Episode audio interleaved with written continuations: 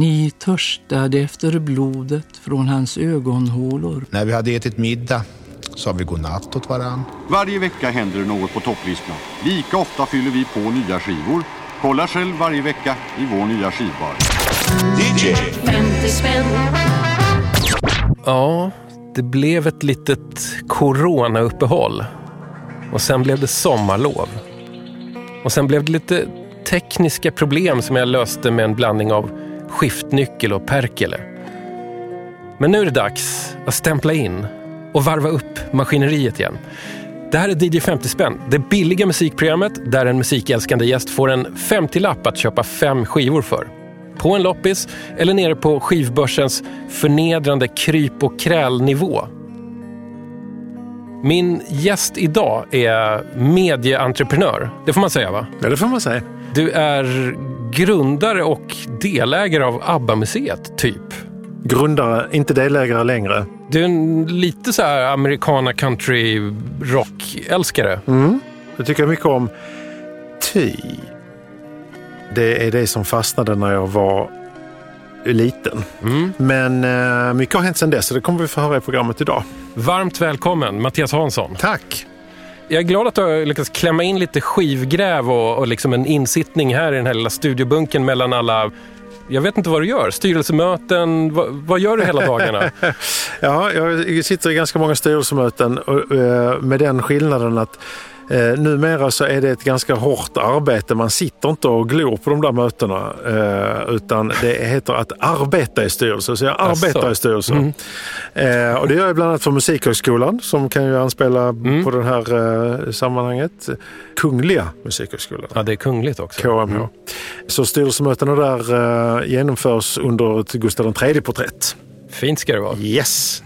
Men min dagliga värv det gör jag som eh, program eh, och marknadschef för den svenska paviljongen som ska vara vid nästa världsutställning. Okej, och Så, när ska nästa världsutställning vara? Den heter Expo 2020 och borde vara nu, men kommer alltså vara 2021 och fortfarande heta Expo 2020 mm. i Dubai i Förenade Arabemiraten. Du håller lite koll på covid-19-läget i världen också gissar jag? Det håller jag väldigt, väldigt, väldigt mycket koll på. Jag är glad för att vi eh, kunde vänta med den här inspelningen och göra det nu, för nu har jag haft det. Grattis! Tack!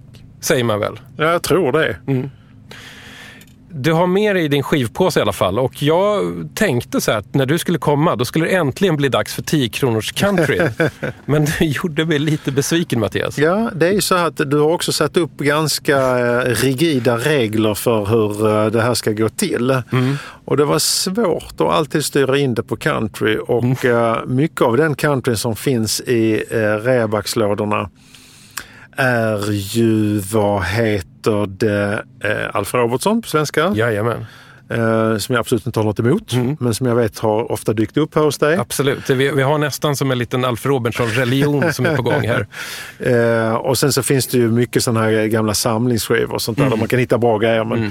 men enligt dina regler ja. eh, så var det svårt att klämma in på de här olika just country. Och dit jag gick eh, eh, på den skivbörsen, skivmarknaden, mm. skivnasan. Inte skitmycket country. Nej. Mycket country men inte skitmycket. Nej. Mycket hårdrock har de där. Eh, men de har också mycket blandat och det ska vi ju höra idag. Jag har faktiskt laddat första, din första skiva här, det är en singel.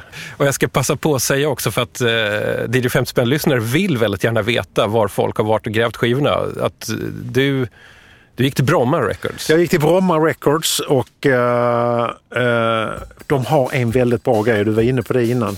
Längst ner, uh, om det är någon som ska gå dit någon gång. det är lätt att missa dem, så vid fötterna på en så har de 10 kronors backar. Mm. Där hittade jag den här.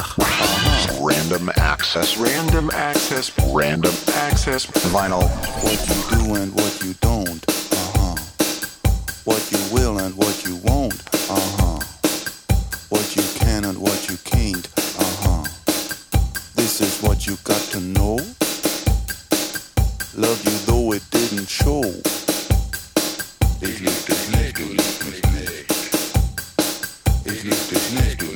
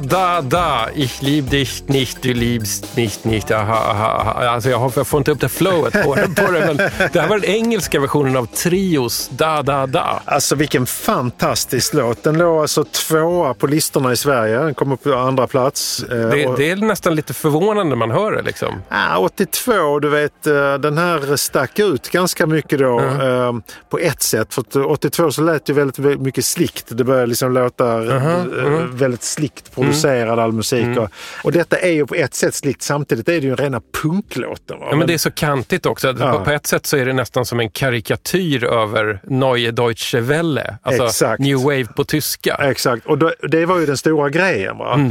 Eh, som de kom ur Trio.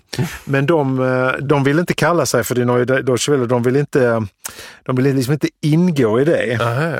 Utan eh, de sa istället att de, just de tillhörde die Neue Deutsche Fröklichkeit. Alltså Vad vilket betyder det? betyder eh, The New German Cheerfulness, den nya glada tyska, den, Mhm. ja. den nya tyska gladheten. Ja, ja. Så att eh, Trio alltså, förgrundsfigurer och de enda artisterna inom rörelsen Neue Deutsche Fröhlichkeit. Mm. Men man blir glad, jag tycker man blir glad. Ja. Eh, Jag var 13 år när den här kom, den var jättestor på skoldanser och i hångelrum. Och, Mm. eh, Mellan liksom Gyllene Tider-låtar och, eh, och noise och sånt. Va? Så Mm. kom den här. Det var, det var riktigt, riktigt uppfriskande. Det blev bra dans när den här kom på. Mm. Sen hörde vi aldrig mer från Trio. De fanns och de har liksom funnits och de Ja, ja.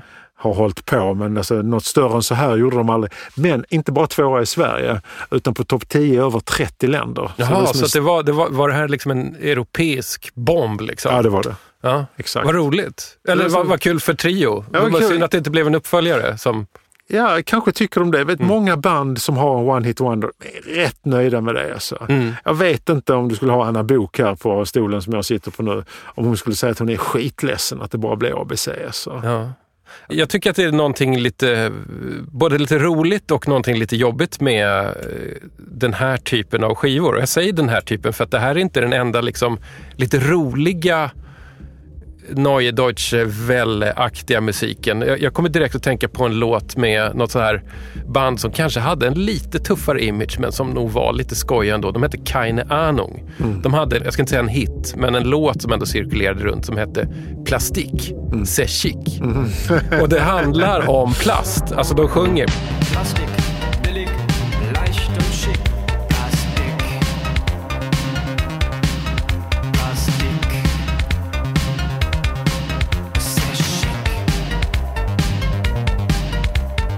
Alltså det, det, alltså, det är en text som är i nivån med ett produktblad från Braun eller Ja, just det. Siemens. Ja, just och så är de ju tyska såklart och Ja. driver med liksom den tyska fyrkantigheten på något Ja. sätt.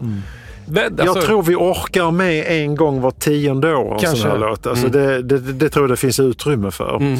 Men eh, det är klart att alltså, den här typen av fyrkantig lite ytligare tysk konstmusik som man ändå får säga att det är. Mm. Jag menar det här är ju långt från Einstürzen till Neubauten men, men eh, eh, man kan säga att det är antitesen till Einstürzen till Mm. Neubauten. Men eh, eh, det finns något härligt i det. Jag skulle till och med kunna dra en liknelse till Nena och Neun und Neutschis Mm. Luftballons som också är liksom en liten tuggummi-poplåt Ja. med tysk anstrykning. Mm. Det finns utrymme för det med jämna mellanrum, men gubevars inte för ofta. Den här liksom eh, slumpade du fram då. Jag ser framför mig här att du som ändå är ganska lång har krypit ner på golvet Jag på satt på- skivbörsen. Jag stod på alla fyra och eh, det lönade sig. Eh, man kan, kan också säga det att baksidan, Sabine, Sabine, Sabine, är inte så dålig den heller. Den får ni lyssna på själv. När tillfälle ges. Det var liksom lite slumpens gud som gav dig den. Vi ska se här vad det, din nästa är. För det är ditt nostalgiköp. Det var lite nostalgi redan i den här. Undrar vad du följer upp det med? Vet du vad Mattias? Nej. Det var inte jättelänge sedan jag lyssnade på den här i riktigt, riktigt fina så här studiomonitorer. Jaha. Och då kände jag en, en känsla i kroppen. Vet du vad det var för känsla? Nej, Det var känslan, det här låter som en miljon dollar. det är en fin känsla. Don't go to bed with no price on your head. No, no, no. Don't do the crime if you can't do the time.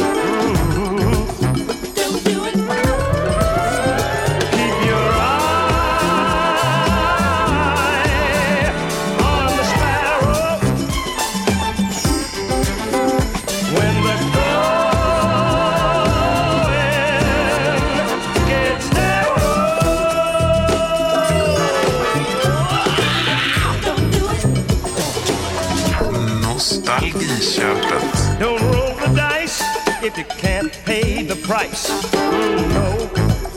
Don't do it. Don't do it. And don't run your feet down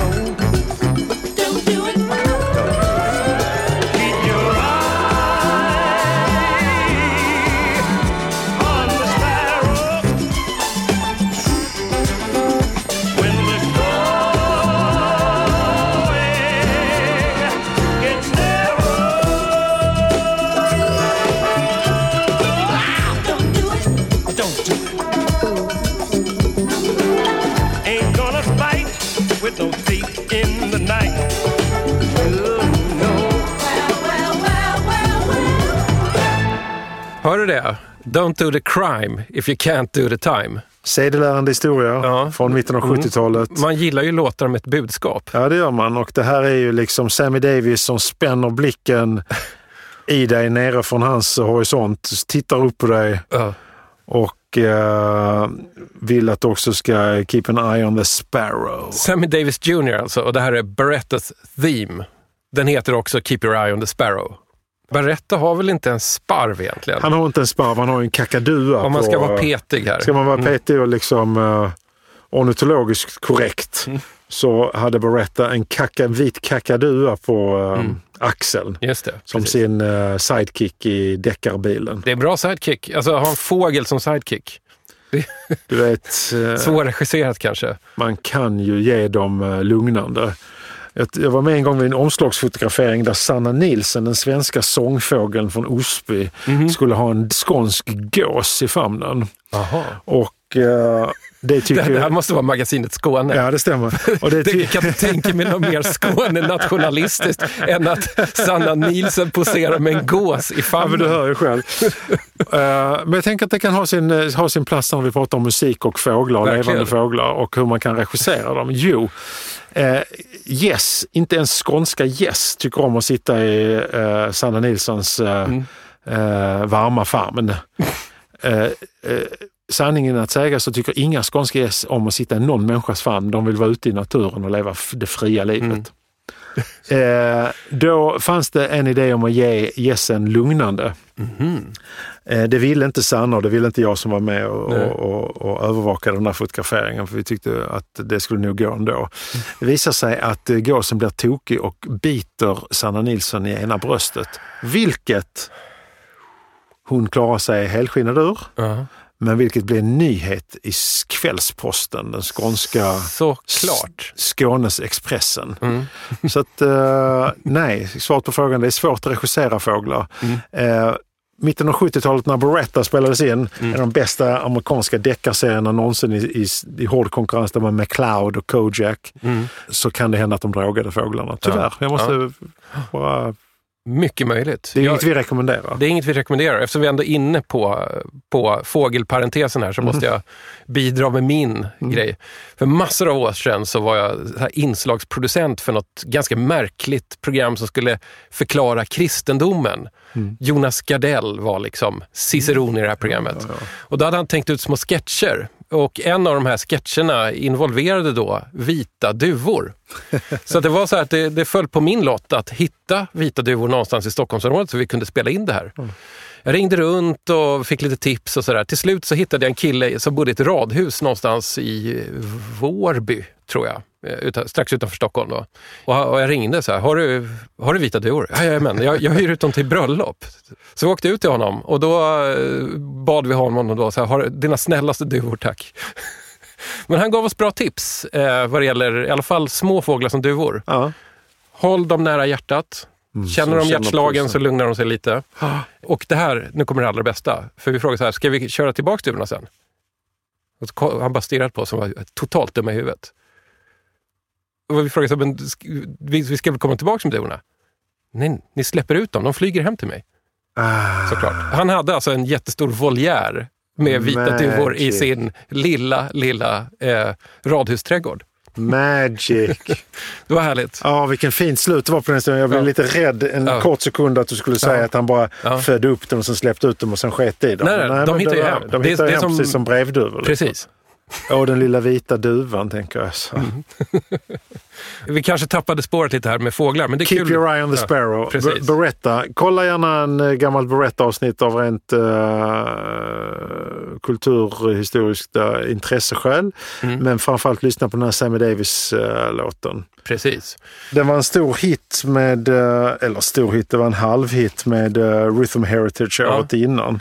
Men 96. Så jag, jag tror att på den tiden så tänkte man så här, vi måste ha en bra jävla låt i den här Mm. kanonserien vi håller på att producera. Någon bra låt där ute nu? Så kollar man så här, jag hörde den här Keep an Eye on the Sparrow, den är bra, kan vi inte ta den? Jo, men vad är de här Rhythm Heritage, vad är det där för något? Vi måste ha en känd sångare. Mm. Säg en känd sångare. Sitter det någon proddas längst bak. Sammy Davis! Sammy Ja. Davis Jr. Okej, vi frågar honom. Och han sa ja och han Mm. spelade in den.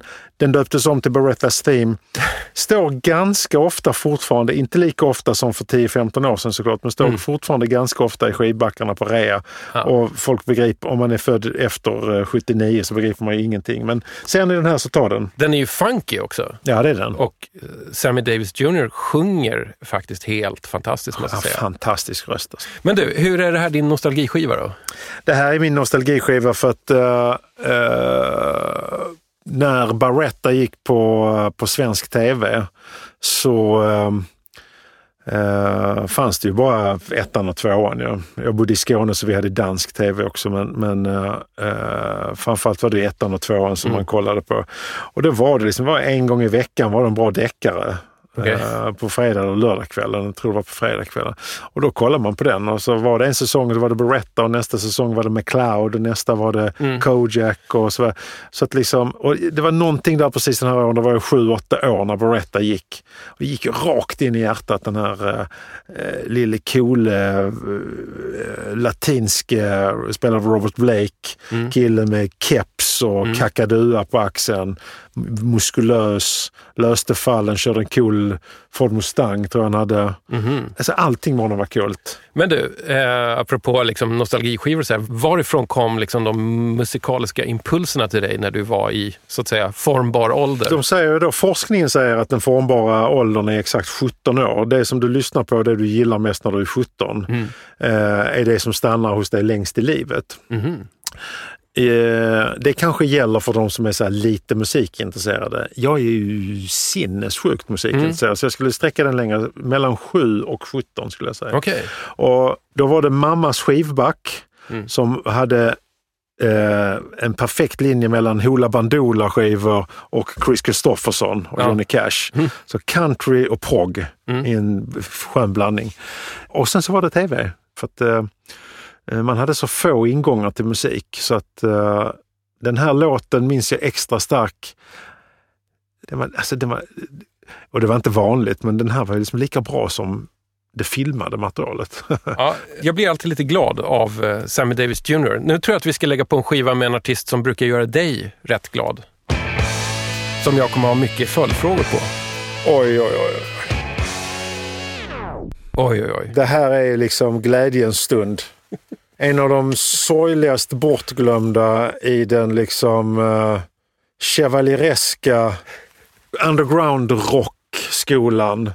Spetsiga skor, kråsskjorta, big hair och en stor vit solröst.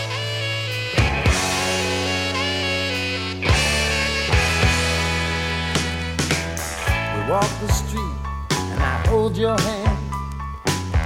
And as we stroll along, I can understand how a love can live in this desolate land. Broken windows and broken hearts, and you are cheated before you start. Was there ever a chance? No, there was never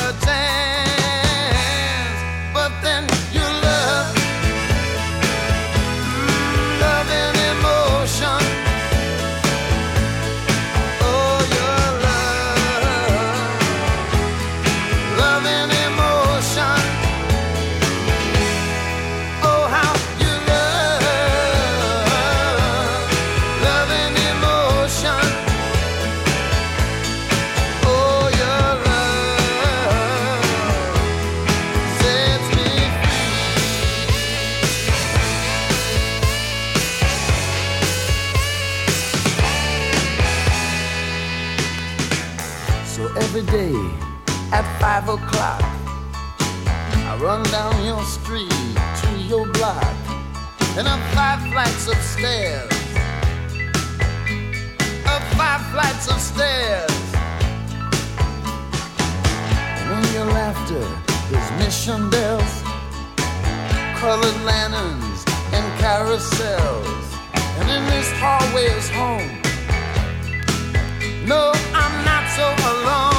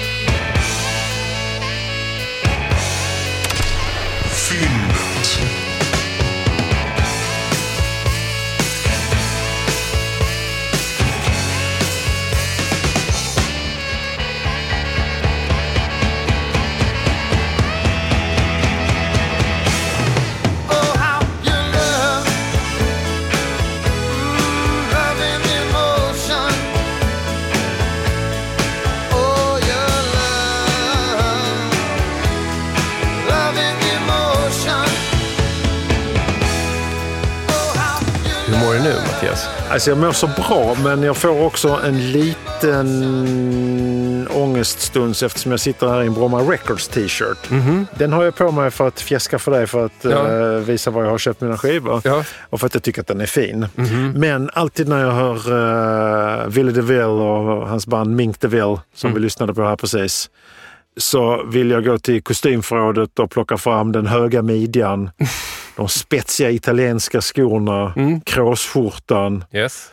lägga upp håret i en pompadour och sätta Ja. i briljantringen i örat. Ja. Men jag skulle hålla Ville DeVille som den absoluta mest exemplariska rockeleganten vi någonsin har haft. Ja, nu är det alltså eh, DJ 50 spänn premiär för Minken, som jag säger här, Mink DeVille. Minken is in the house! Vi har alltså Love and Emotion och det här kommer från en skiva som heter Coupe de Grace. Nej, jag kan inte uttala det. Det är på franska va? Ja, och det betyder Coup i alla fall nådastöten. Ja. Teatraliskt, blodfyllt, Mm. hjärta, tårar. I eh, Mink DeVilles låtar och texter så är det oftast liksom I wished it was rain in my eyes but it's tears. och my heart is bigger than my body Mm. can hold. Du vet, alltså det, är, oh, det är blodfyllt och romantiskt och härligt. Det, och det är underbart. underbart. Han är inte med oss längre, men eh, Mm. när han var i sin prime här mellan 77 och 85 som han drev bandet Mink DeVille, då, eh, alltså vilken fin tid. Jag önskar att jag var på CBGBs då. Jag var där senare, precis innan de stängde. Det hade varit underbart att få se Mink DeVille när de var husband där under ett par år. Mm. Eh, och lite intressant att sätta dem i den kontexten för lyssnare som eventuellt inte än har bekantat sig med, Nej. med DeVille. Eh, och att de tillhör det där gänget liksom historiskt sett. Alltså Blondie, Talking Heads, Mm. Eh, Johnny Thunders and the Heartbreakers. Alla de här liksom CBGBs banden. Ett av dem var Mink DeVille.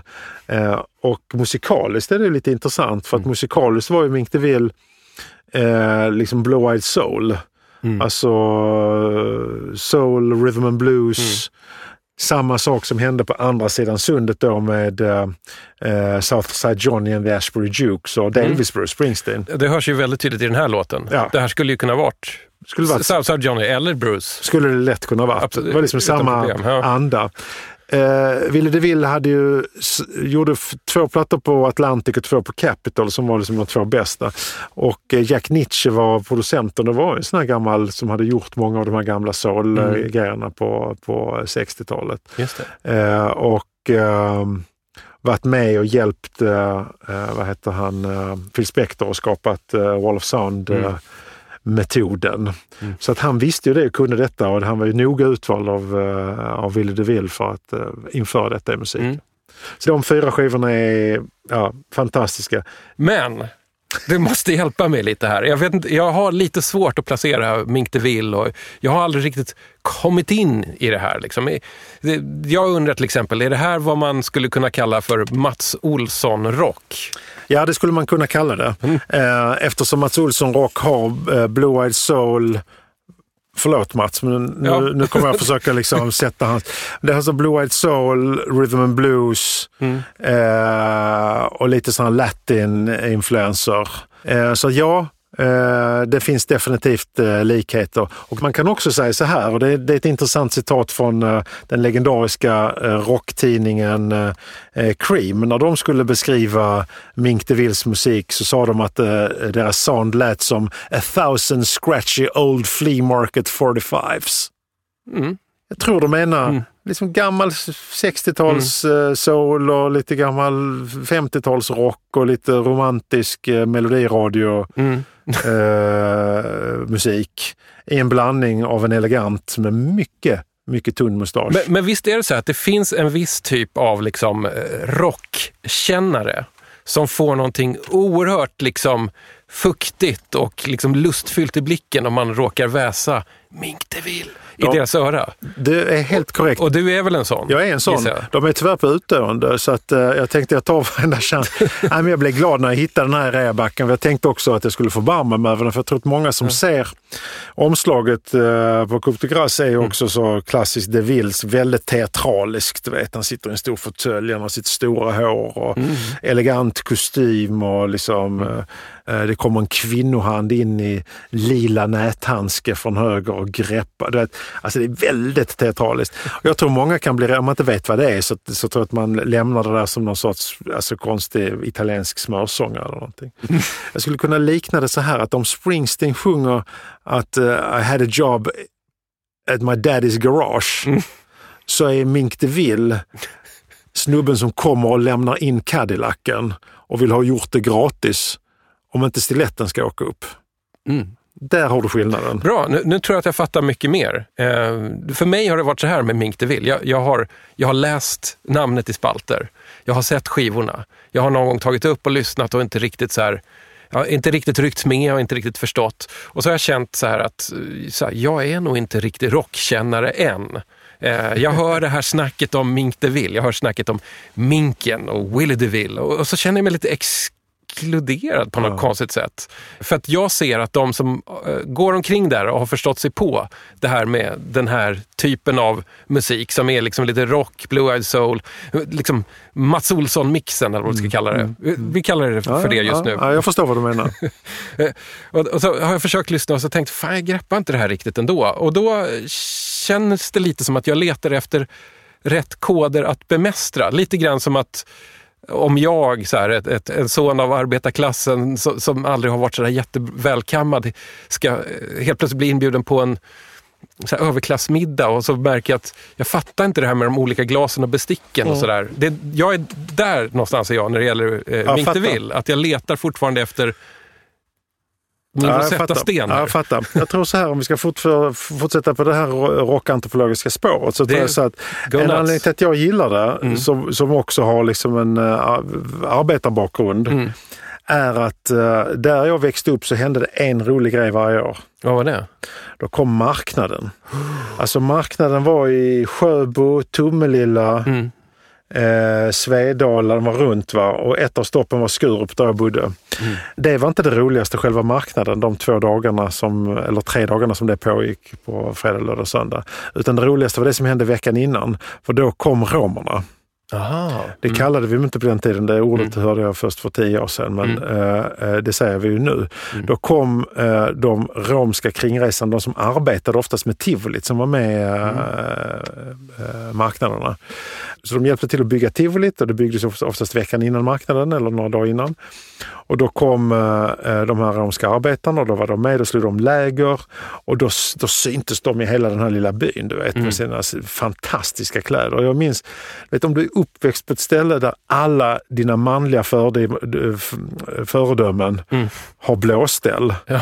och sen helt plötsligt en dag så bara kommer det in stora svarta merser Ja, ja. Mm. och ur kliver kvinnor i stora glittriga klänningar och män med vita lackskor, Mm. lila kråsskjortor, sammetskostymer och stora brättade hattar och guldtänder. Ja.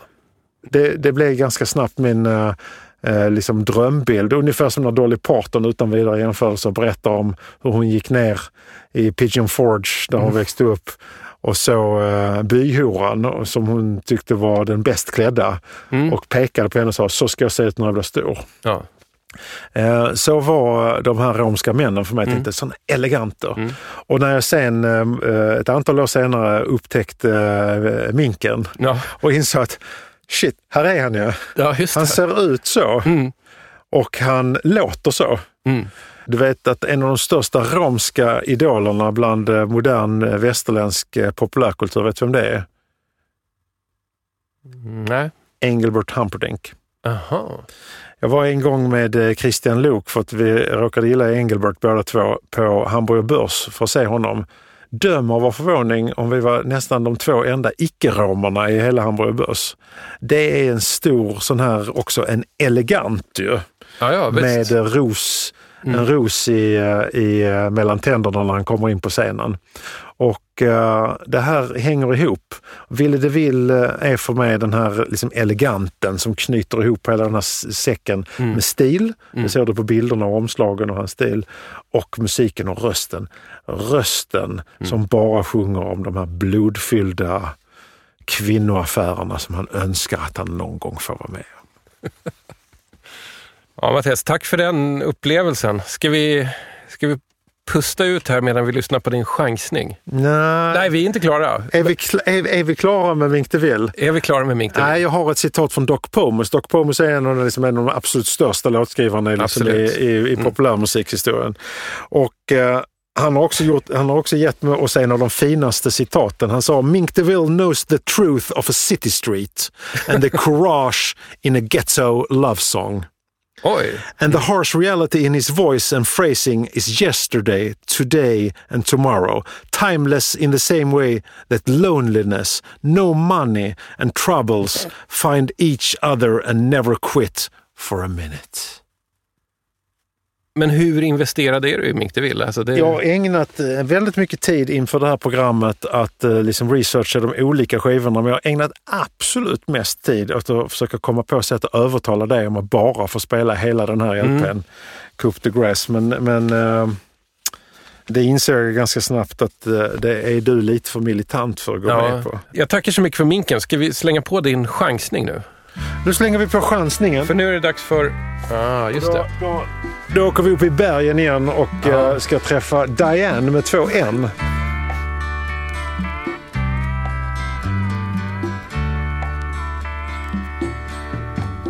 She's 41 and her daddy still calls her baby.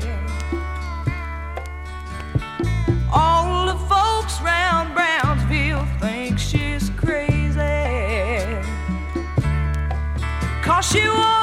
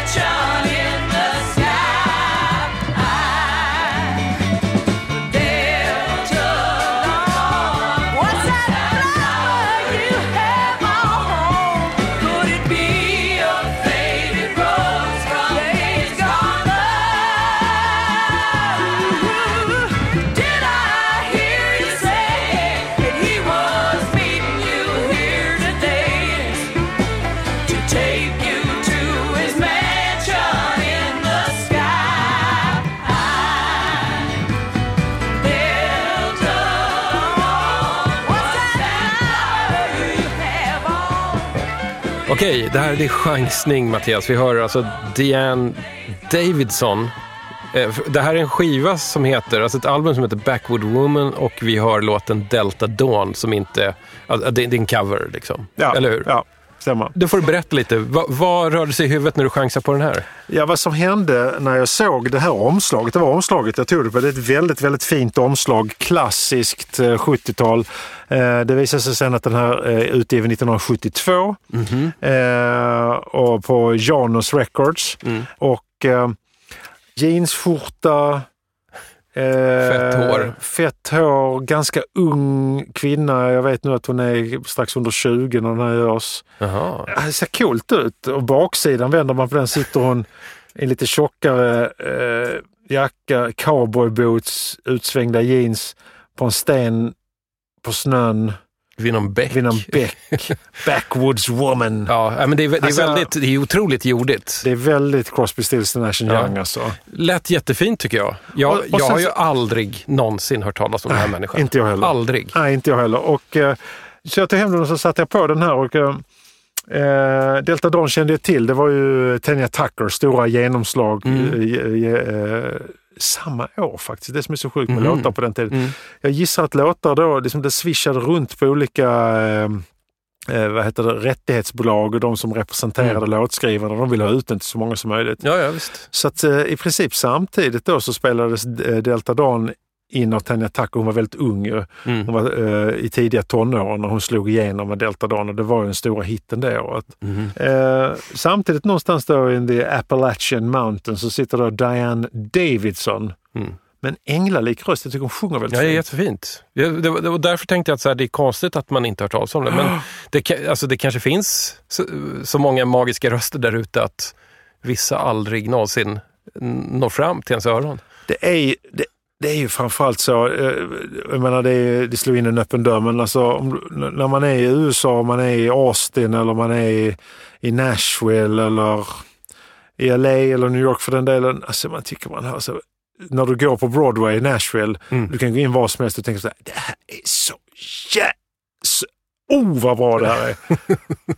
Så, frågar man bartender vem är det? Nej, det är vårt band. De har stått här nu i 23 år. De, de kommer aldrig någonstans. Det blir aldrig någon skivknapp. Nej, men alltså, det är ju det bästa jag har hört. Jo, men alltså det står liksom 30 sådana band bredvid varandra och spelar Mm. på varenda bar.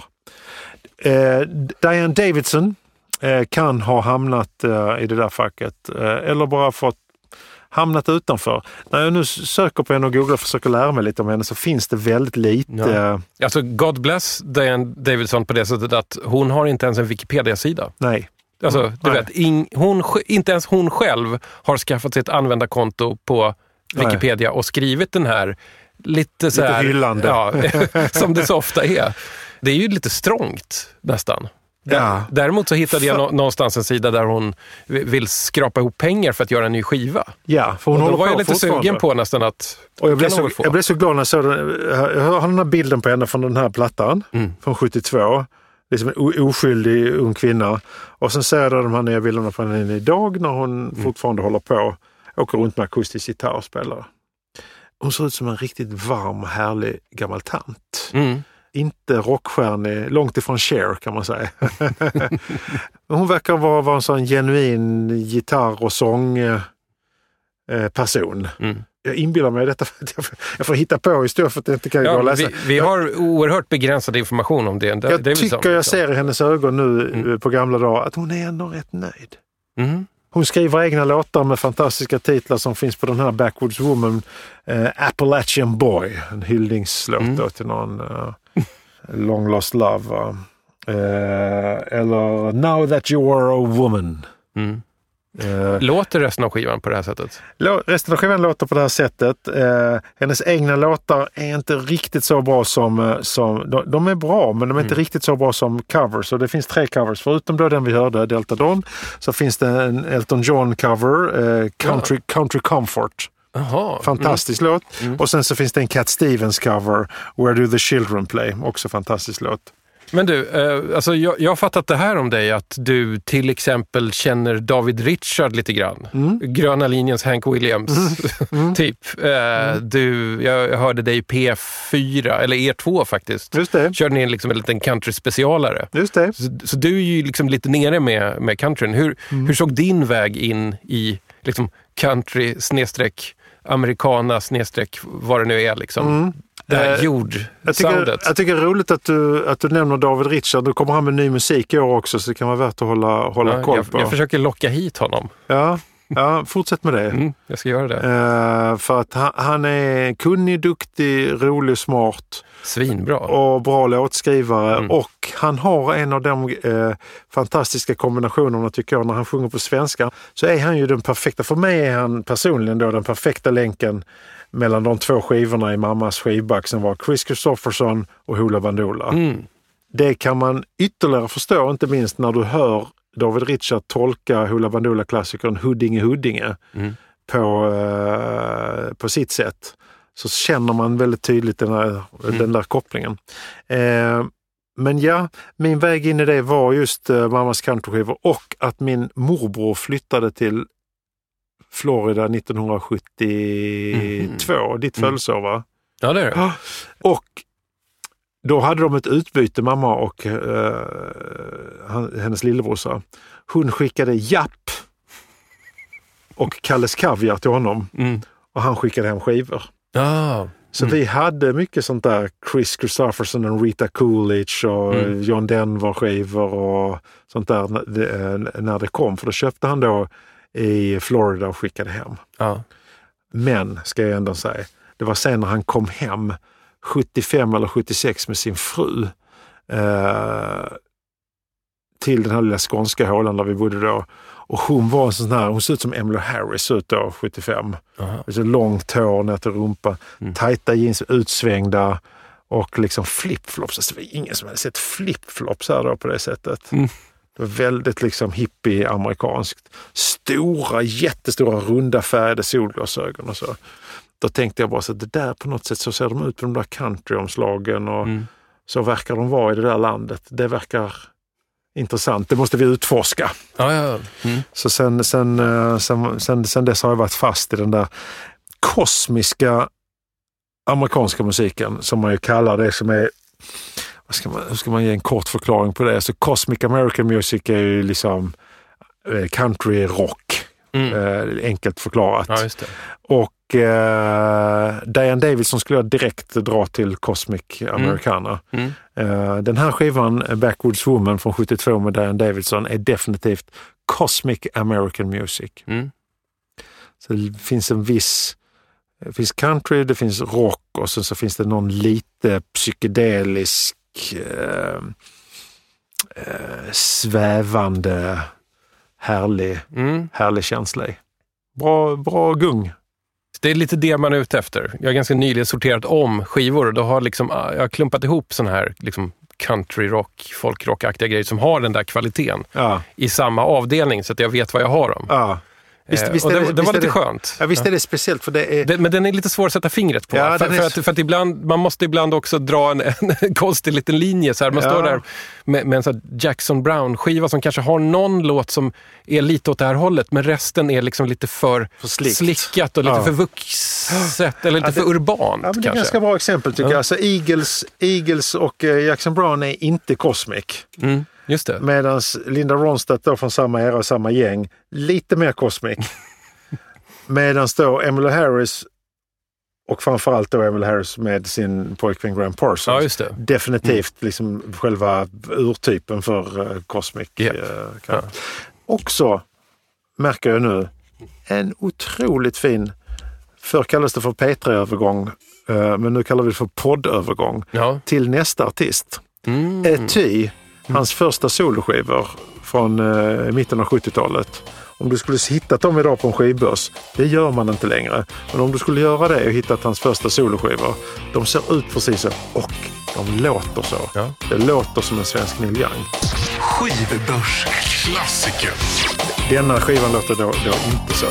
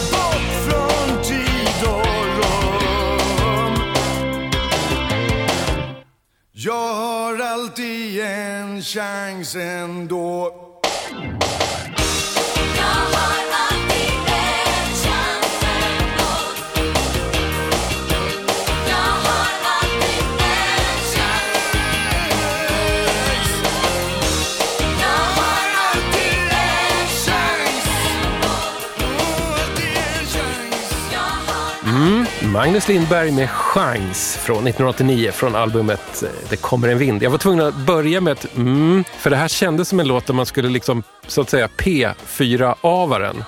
I P4 så börjar de väldigt ofta med mm, när de går in i en låt. Har du tänkt på det? Det har jag inte, men det ska jag komma att tänka på. Tänk på det nu, för att det är väldigt vanligt. Det Kan, var- det, kan det vara för att det ska skapa en lite, ändå lite mysig... jag tror det. Lite pra, Vi är kompisar. Ja, det, det är en liten sån Mm, grej. Just det. Mm. Det här är alltså skivbörsklassikern. Alltså, den här är en skivbåtsklassiker eh, artistmässigt för att Magnus Lindberg kan du hitta med Mm. jämna mellanrum. Jo. Och då är det som så med, som med många andra eh, fantastiska artister att du hittar inte de, mest, de, de du egentligen mest vill hitta i Magnus fall, de, de, de tidiga skivorna. Mm. Ja, just det. De hittar du aldrig i princip. Det, Mm. I så fall är de väldigt dyra. Eh, om du inte skulle ha supertur. Mm. Men däremot typ den här mellanplattan från 89. Som, som kanske, jag skulle, skulle vilja påstå, av denna okända artist så är detta den mest okända skivan. Mm. Den kan du hitta. Hittar du den så ta den. För där Mm. finns det sådana här bra låtar. Han är en av de största svenska rockpoeterna vi har haft. Och Eh, rätt bortglömd idag känns det Och rätt bortglömd. Mm. Han slog igenom med eh, landslaget Ja, ju tidigt på 70-talet tillsammans med Lasse Lindbom. Ja, ja. Och det var, det, var ju, det var ju Lindberg och, och Lindbom och några andra duktiga musiker. Bland annat var ju eh, Hasse Breitholtz eh, Ja. spelade trummor som sen blev legendarisk skivbolagsmänniska i Sverige. Mm. I alla fall, landslaget. Där var Magnus Lindberg en tydlig kraft, men han var liksom lite för bra för landslaget skulle jag gissa. Så här i efterhand. Så han gjorde ganska snabbt soloskivor. Mm. Och från hans första självbetitlade soloplatta, där finns en av de vackraste han har skrivit. Och det är många som konkurrerar om det. Men jag skulle vilja påstå att Magnus Lindberg har skrivit den vackraste svenska skärgårdsskildringen ja, det någonsin. är just det du tänker på. här. Jag tänker på just det. När himlen färgas röd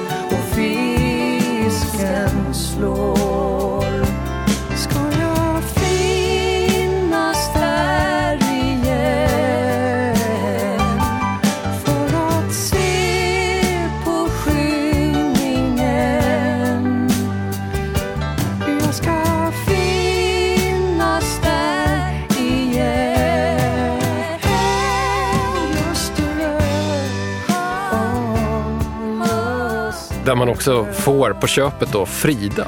Annie-Frid Lyngstad, eh, sedermera känd som ABBA-Frida, Precis. sjunger duett står det i litteraturen, men jag skulle nog vilja säga att hon sjunger kör på den Ja. där. Men lägger en sån fantastisk Mm. aura av svensk dimmig skärgårdsmorgon Mm. kring eh, låten Ljusterö med Magnus Lindberg.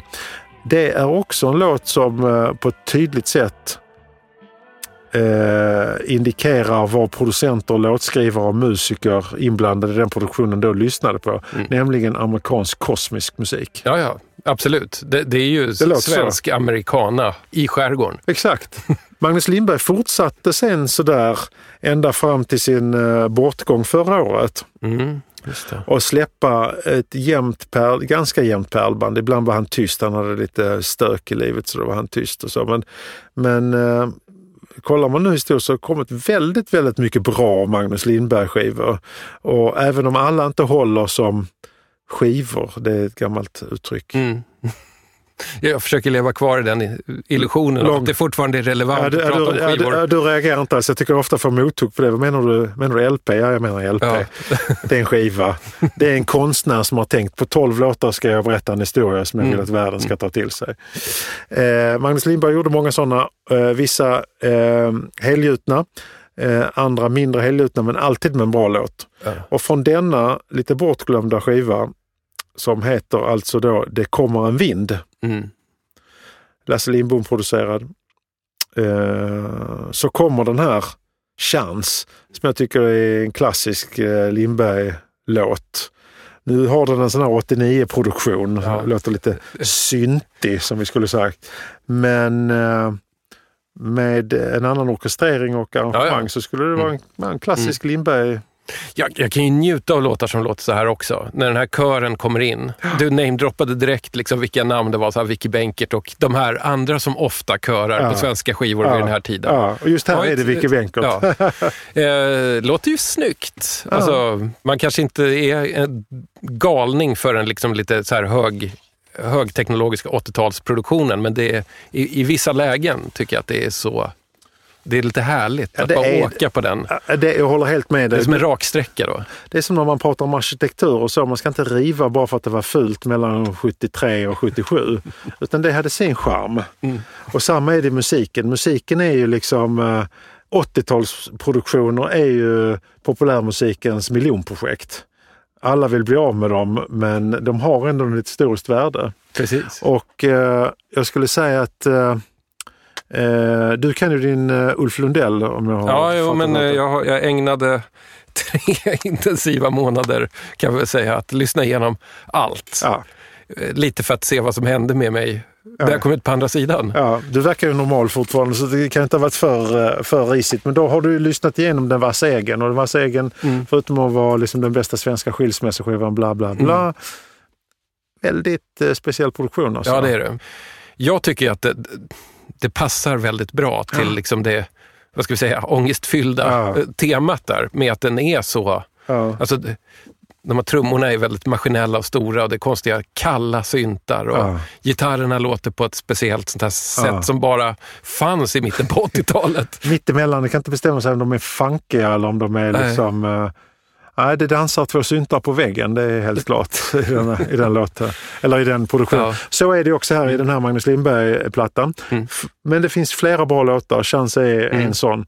Eh, Chans låter ju verkligen som en Lundell-låttitel. ja, det gör det dessutom. Det gör det dessutom. Men om du ska jämföra Lindberg och Lundell, för att ta en samtida ändå. Ja, för säkert många Lundell kännare och fans emot mig. Men jag skulle säga att Lindberg höll en jämnare eh, romantisk kvalitet. Mm. Lundell har pendlat med, väldigt mycket här mellan liksom att bli, var, var liksom Bukowski-rå och romantiskt skör och så. Mm. Han var mycket mer romantisk i början, ja, Lundell. Eh, och skör och inte så hård och politisk. Hård och politisk, det blev aldrig Lindberg. Nej. Han är skör och romantisk. Han är som en Stockholm, han är född i Eskilstuna, men eh, en Stockholmsromantiker av rang. Mm. Och eh, kärleken, livet, Mm. det som eh, skådespelare och regissörer brukar skämta om, att de alltid pratar om vad det betyder att vara en människa i deras livs utforskningsprojekt. Det höll Lindberg på med under hela sin eh, liksom rockpoesikarriär. Jag tycker texterna är väldigt fina. De är, Mm. ganska, de är ganska enkla och raka. Här rimmar han i en låt riktigt risigt på mm, eh, det är alla de som ringer hit och jag är sugen på att prata skit. eh, den sticker ut kan jag säga. Okej. hela Mm. om man lägger hundra Lindberg-låtar så finns det inte ett sånt dåligt rim någonstans förutom just en låt på Mm. den här skivan. Mm. Annars är det ganska det är mjukt och fint och kärleksfullt och blodfyllt på ett fint sätt. Mm. Så att eh, det här är en fin, jag blir glad. Jag blir Mm. glad för den här när jag, när jag sprang på den i, i skivbacken. Jag, jag hoppas att, nu gick Magnus bort förra året, eh, jag hoppas att fler fortsätter att försöka upptäcka honom. Mm. Jag såg honom för två år sedan ensam med en akustisk gitarr i Gamla stan. Ja, Alltså, han var aktiv så pass Ja, det var sent han. i alla fall. Ja, det var Ja. han. Ibland med något band tillsammans med Lindbom, Lasse Lindbom som ju har producerat och spelat på den här skivan vi lyssnar på precis. Och, eh, men väldigt ofta akustiskt och själv. Mhm. Och när han fick ihop liksom tre, fyra, fem, sex låtar på rad eh, utan att gitarren stämde ur sig eller så här, eller att det krånglade med rösten så lät det helt fantastiskt. Alltså. Mhm. Lät helt fantastiskt. Och en av de här svenska artisterna som då hade på varje sån spelning 30 stycken hardcore-fans som lite Mm. jag såg Magnus första gången på Kolingen 77. Ja. Vad mycket sån. Han är bäst. Jag tycker det är fint för en lantis som är som alltid drömde om Stockholm när jag var liten. Så Eh, står Magnus Lindberg som en av de stora liksom, romantiska målarna av det moderna Ja. Stockholm. Det är fint. Det här var den femte skivan. Yes. Men det betyder inte att det är riktigt slut än. För att du har fått ta med dig en liten bonus här, en livlina. Nu ska vi in i d- mystiken, in i den Ja. mystiska dimman. Gud alltså. Jag vet vad, jag har en gång plockat upp den här bara för att jag hajade till av omslaget och tänkte, vad är det här för rockande råskinn som står och pekar på mig? Ja, man, man, man, när man ser på den här så tänker man så här, den där snubben alltså, han kommer man antingen att bli mördad av eller ha jäkligt skoj med.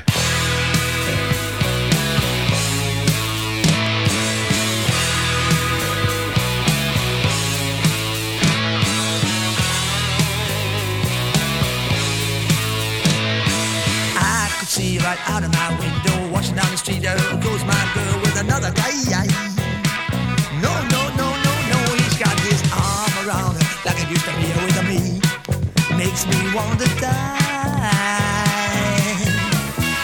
And here she comes. Here comes the night. Here comes the night. And there they go. It's funny how they look so good together. Wonder what is wrong with me. Why can't I accept the fact something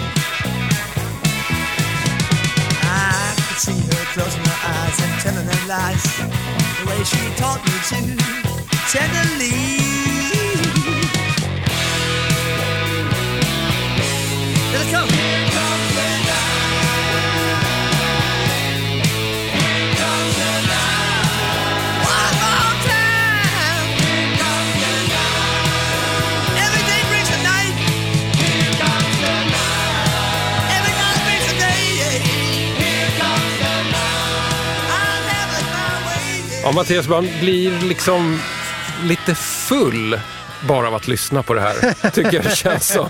Ja, det är riktig bundrock alltså. Eh, vad är det? Ja, det, är, alltså, det, är en bra, det är en bra fråga. Jag skulle vilja säga att det är Linus. Jag skulle också vilja säga att det är Linus. Jag skulle också vilja säga att det är Linus and the Losers. Jag skulle också vilja säga att det är ett Malmöband. Jag skulle vilja säga att det är ett Stockholmsband. Att de är från Tyskland. Men att de har sin bas i San Francisco. Mm. Allt detta och mer därtill bygger myten Ja. om Linus som egentligen heter Karl och är från Tyskland. Ja. Men som har en mycket, mycket udda rockkarriär i USA och Sverige primärt bakom sig. Det här är från en skiva eh, under namnet Linus, eller Linus, Ja. Som heter Take It. Or leave it. Och det är liksom, or leave it som det står på baksidan. Så take it or leave it. Han, han har eh, solbrillor, han har liksom så här bakåtkammat, lite flottigt hår. Och en en lite sunkig t-shirt. Alltså, ja, Han ser ut, och, och lite, en liten tunn raggarmustasch på det. Han ser ut som på den tiden om man skulle jämföra det med engelska pubrockband. Mm. Alltså en, en lite skitig uh, Dr. Feelgood, en eh, lite risig Dax Deluxe. eh, alltså det, är, Mm. alltså, det, är liksom den stilen. Men skulle också kunna vara vår gamla favorit i de här sammanhangen, eh, eh, Southside Johnny. ja, Eh, lite den stilen. Mm. Men han är så tysk. ja. Växte upp eh, i USA och gjorde sig tidigt en musikkarriär där. Mm. Och eh, du tipsade ju mig, för att jag har alltid undrat om honom, för att jag hörde talas om honom i Malmö på 80-talet. Ja, ja, så, att- så att det gick stories om Det- honom då? Redan då gick det massa stories om Linus. Han är liksom han är helt galen. Jag trodde han var svensk, de sa, alla sa Linus. Ja. Men jag såg honom aldrig, träffade honom aldrig, hörde honom aldrig. Det gick en massa rykten om honom. Legenden. Nu, ja, legenden. Redan då i mitten av 80-talet. Och då, det visade sig då att den här skivan är inspelad 78 i Malmö. Mm. I Dan Tillbergs legendariska Bellatrix-studio. Mm. Det är inte alla skivor från Malmö på den tiden inspelade där. Väldigt många, det var väl typ han som hade en studio så det var där man spelade in. Och Dan Tillberg, eh, värt ett program i sig som vi vet, delar producentskapet på den här skivan med Lennart Persson, den legendariska skivhandlaren på Musik och konst i Malmö. Just det. Också musikjournalisten. Nu inte med oss längre, salig i åminnelse. Den, alltså, det, det, men det här är fantastiskt, det här är väldigt bra. Det är liksom eh, amerikansk blue-eyed soul blandat med engelsk eh, pubrock Mm. i dess puraste form. Mm. Bra spelat, bra sjunget. Mm. Enligt ryktet så var han också en fantastisk liveartist. Det är inte så många ändå som verkar kunna vittna om det här på något sätt.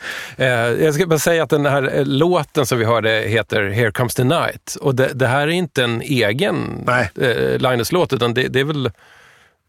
Är det inte Them? Jo, det är Them och Van Ja. Morrison. Låt.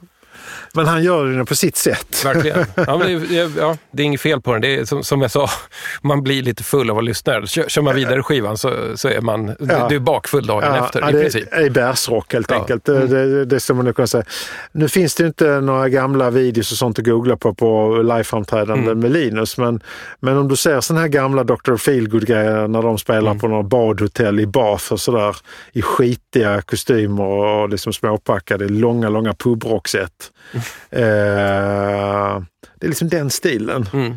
Eh, när vi, du tipsade ju mig om en fantastisk eh, artikel på, på, på Rootsy. Rootsy.nu ja. Ja, Mm. där kan man få riktiga guldkorn. Ja. De det, också- det är någon, någon som heter Per Magnusson som alltså faktiskt har sett Linus.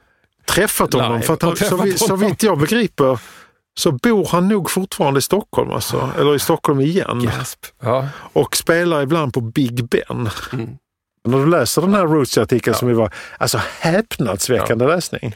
Jag, jag länkar den från dj50spann.se och, och så läs den för att alltså, bara på liksom ren så här, eh, vad ska vi kalla kalla det rockanekdot. Då träffade jag hmm, hmm. Nej. nivå är den helt så här, man, man sitter och gapar. Och, och om vi bara ska liksom ge en liten hint av namedropping här så är det Ike och Tina Turner, det är Captain Beefheart, det är Sam the Sham and the Pharaohs, det är The Seeds. Ja, The Seeds, Janis Joplin. Alltså, det- detta, var det sådana, detta var sådana som Linus hängde med under sina tidiga musikår Ja. i USA där han, han gav ut flera skivor under flera olika bandnamn. Otrolig historia alltså. Och på något sätt så hamnade han i Sverige eftersom han hade eh, vägrat att ställa in sig när, när han kallades till militärtjänstgöring. Just det. Han ville inte hamna i Vietnam. Nej. Eh, och sen gav han sig väl på, lite på vinst och förlust ut på någon slags Europaturné med något band och de hamnade i Sverige och här var det okej att stanna kvar som amerikansk desertör. Det verkar i alla fall vara den logiska vägen till hur han på något sätt hamnade i Malmö. Tror jag. Precis, och där var det ju liksom musik och konstgänget och larmgänget som tidningen hette som Lennart Persson gav ut. Och som, sen har jag också fått uppgifter på att eh, liksom, något av banden han hade, Linus, det, det liksom kompades han av Carl Pedals eh, band. Morten Mikro och de andra legendarerna i Carl Pedals band. Och I någon uppsättning av Linus band var också, trakterades också trummorna av Micke Widell. Sedermera trummis i eh, Lunda garagebandet Sinners, men framförallt mest känd som eh, ekonomijournalist på Dagens Industri och liknande. Så liksom, det är mycket sådana eh, lustiga kopplingar. Alltså när, kring, och jag tar upp det här som ett exempel bara för kring Linus, som vi nu har valt att kalla honom Ja. svensk eh, Mm, ja, men, han är Linus för oss. Ja. Så, så är liksom namedroppingen alltså outsidlig. Mm. Han har alltid varit där det finns andra människor som det finns något att säga något om. Mm. Och det kan man säga något om, men om Linus själv kan man säga väldigt lite. Tills den här Rootsy-artikeln, Ja. för den är ju ganska uttömmande. Ja, men precis.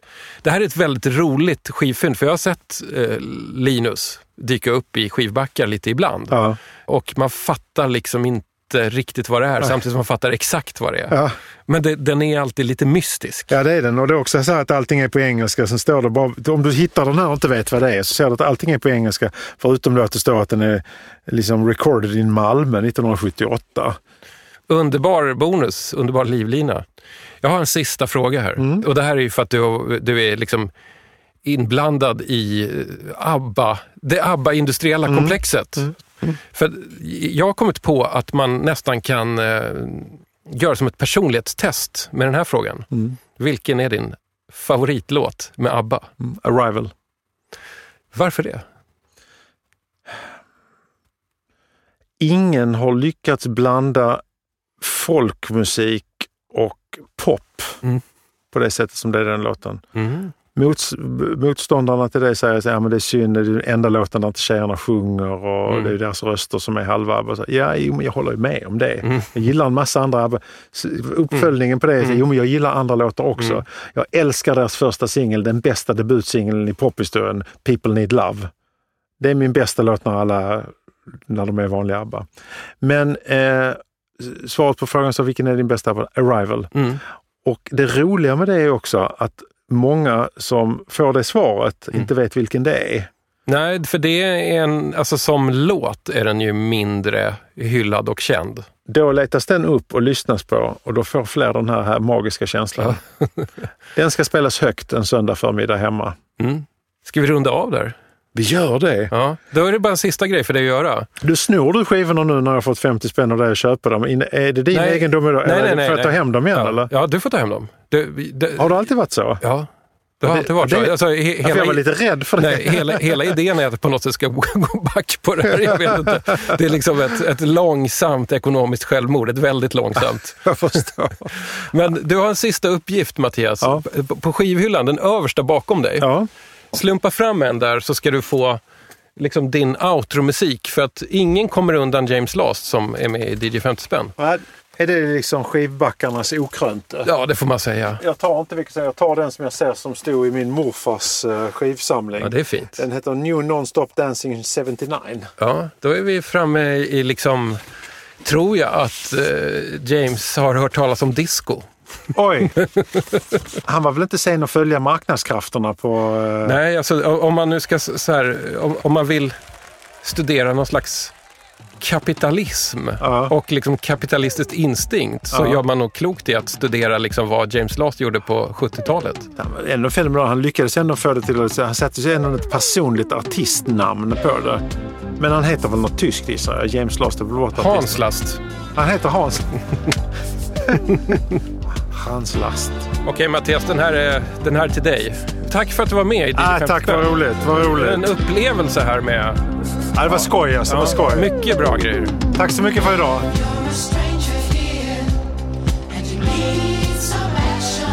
Det låter ju jättebra. Ja. Mm. Det är alltså Marshall Haynes Dancing in the City som var, jag tror det var nog ett år sedan. Morfar hade den här Demis Rossos och...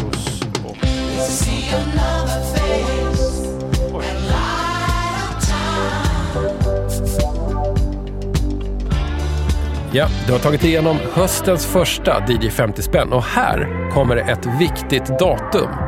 Den 17 oktober så blir det Swedish Smorgasbord igen. Min skivgrävande vän Martin Alarik och jag, vi slår ihop våra skivbackar och vi spelar försvenskningar från vinyl en hel kväll. Och det här händer på Devoto på Vikingagatan här i Stockholm. Mer info finns såklart på min Facebook-sida, så följ den. Och om du gillar DJ 50 spänn jättemycket så häng gärna lite i mina Facebookgrupper också. Det finns en för 10 kronors vinyl, det finns en som heter CD is the new vinyl. Det finns en som heter Streamingjättens utmarker. Det finns en för försvenskningar. Det finns allt som täcker ditt nördiga, musikglada behov, vilket det än är. Om du vill höra av dig så går det jättebra att dra ett mejl och då är adressen hej dj50spann.se. Den här podden publiceras i samarbete med mitt gamla produktionsbolag Rundfunk Media. Nu stänger jag butiken för ikväll. Tack för att du lyssnade. As long as there's music, we'll be there. We'll be playing the songs for you. The Audio Obstacle Course Era 3 is a test record that goes a step beyond other music recordings. It will place extreme demands on the tracking ability of a phonograph pickup and tone arm system, but in a systematic and controlled manner. The test material is presented in two parts. The first part contains musical excerpts recorded at five levels with increasing intensities, and the second part presents the compositions from which the excerpts were taken. The tests employ musical bells, sibilants, violin, and bass drum. All but the bass drum are taken from commercial recordings. The bass drum has been recorded from a single instrument and consequently does not appear in Part 2. Most pickups should be able to track the first level of each test at their rated tracking force. The second level of each test is recorded 6 dB higher than the first and should be tracked by most high quality pickups.